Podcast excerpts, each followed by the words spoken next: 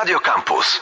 Róża Wiatrów. Audycja o stosunkach międzynarodowych. Przy mikrofonie Marcin Łuniewski, a moim i waszym gościem w Radio Campus jest pani Aleksandra Maria Spancerska, analityczka do spraw Turcji z Polskiego Instytutu Spraw Międzynarodowych. Witam serdecznie pani Aleksandro. Witam serdecznie, dziękuję za zaproszenie do rozmowy duże zmiany na tureckiej scenie politycznej. E, Republikańska Partia Ludowa, czyli największe ugrupowanie opozycyjne w Turcji i najważniejsza część koalicji, która w tym roku no, próbowała rzucić wyzwanie prezydentowi Erdanowi, ma nowego lidera. E, przeciwnik Erdana w wyborach prezydenckich, czyli Kemal Kılıçdaroğlu, traci władzę na rzecz Ozgyra Ozela.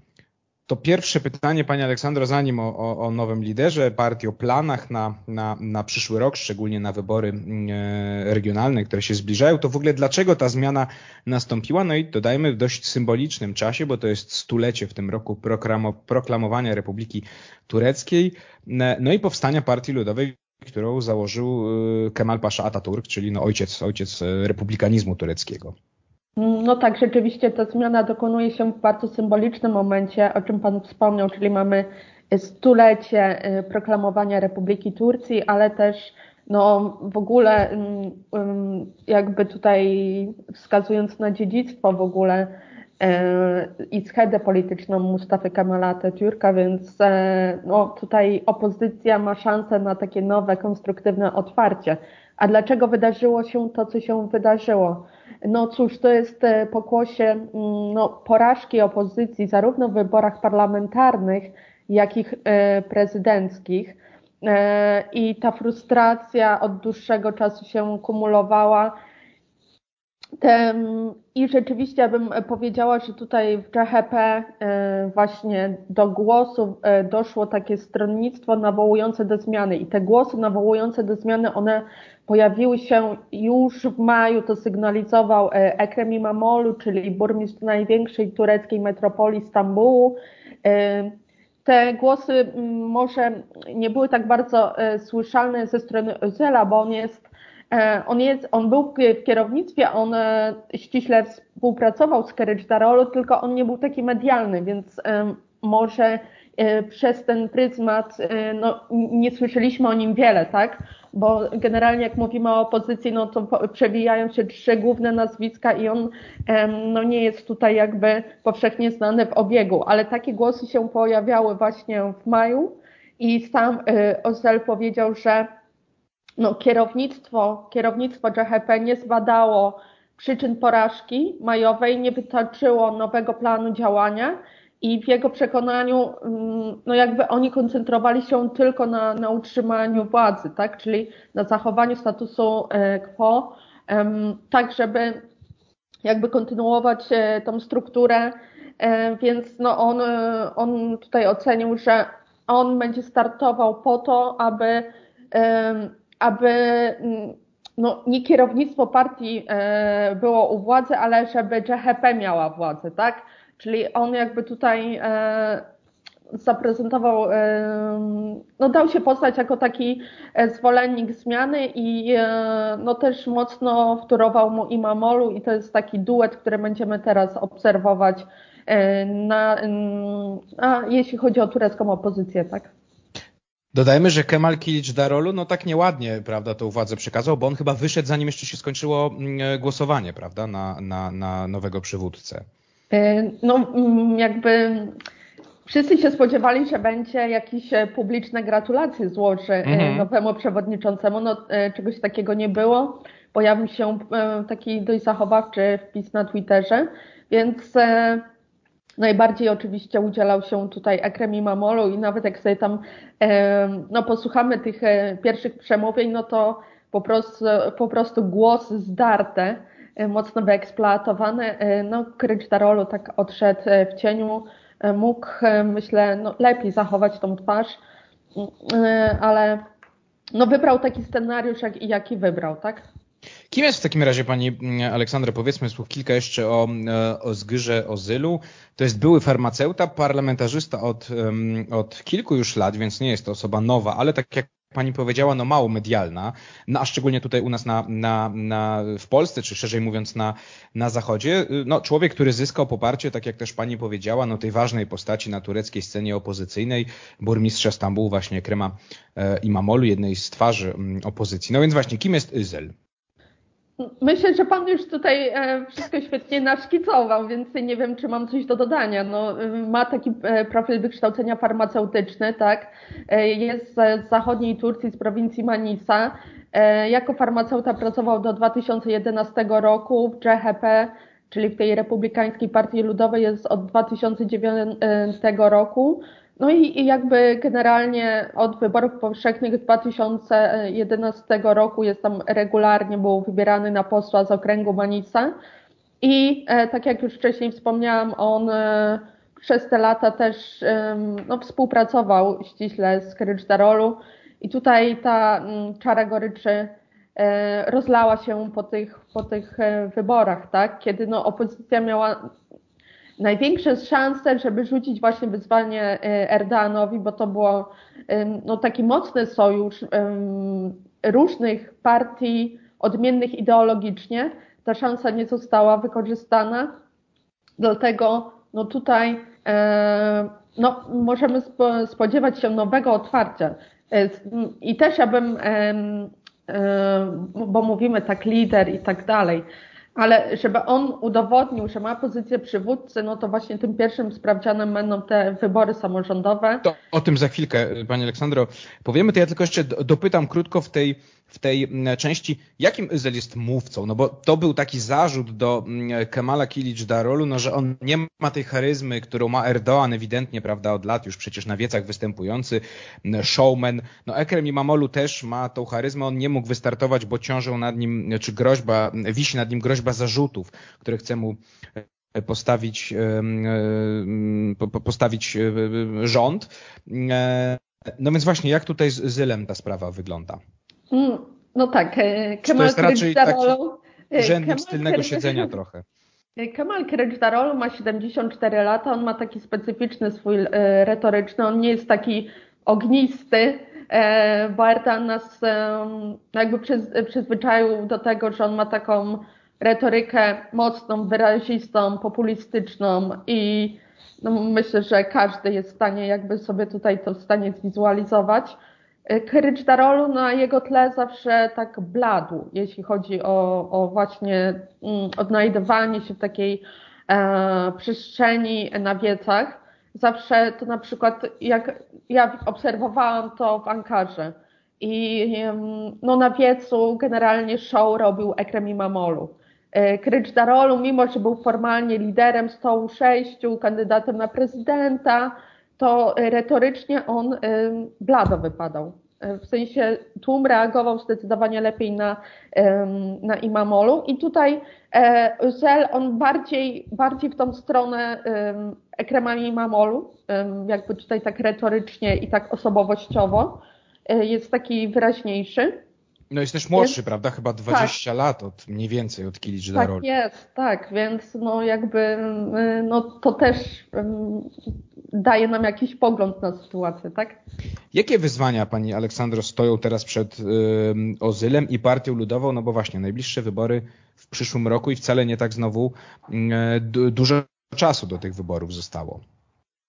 No zdecydowanie tutaj Ozel, no zdecydowanie tutaj on występuje przeciwko takiej pasywności, bo generalnie Kerycz Darolu był, e, pełnił funkcję przewodniczącego GHP przez 13 e, lat. I w zasadzie po tych przegranych wyborach on nigdy tak publicznie nie wziął tego,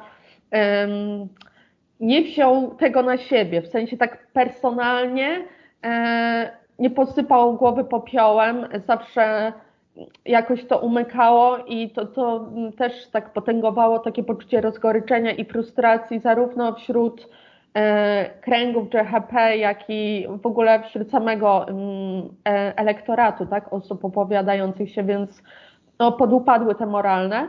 I teraz, e, no teraz kluczowa sprawa, no to to, co Zel sam powiedział w swoim przemówieniu właśnie po, po, po, tych, po objęciu swojej funkcji, tak? Czyli on powiedział, rozpoczynamy mobilizację od jutra.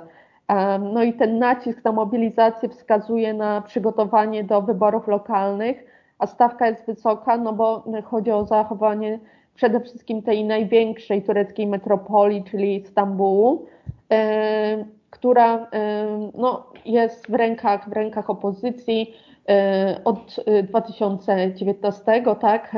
Tam urząd sprawuje wspomniany wcześniej już w rozmowie Ekrem Imamolu.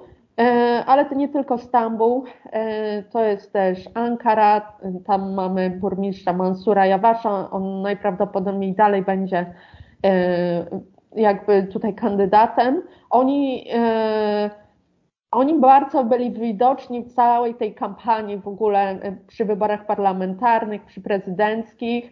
No i chodzi o opozycję po prostu o to, e, czy, czy zachowają kontrolę nad tymi kluczowymi, kluczowymi miastami, bo to też będzie taki papierek lakmusowy, który nam powie, no, w jaki sposób e, opozycja może szacować swoje siły pod kątem no, nowego rozdania, jeśli chodzi o wybory parlamentarne i e, prezydenckie. No i też e, taka kwestia, której warto się tutaj e, przyglądać, to czy OCL będzie podejmował współpracę z innymi ugrupowaniami opozycyjnymi w tym okresie poprzedzającym wybory lokalne. Bo tutaj mam na myśli dobrą partię i partii, której przewodniczy Meral Akşener i w wyborach w 2019 roku samorządowych CHP e, i Dobra Partia, oni skonsolidowali e, swoje siły, tam było też poparcie e, grup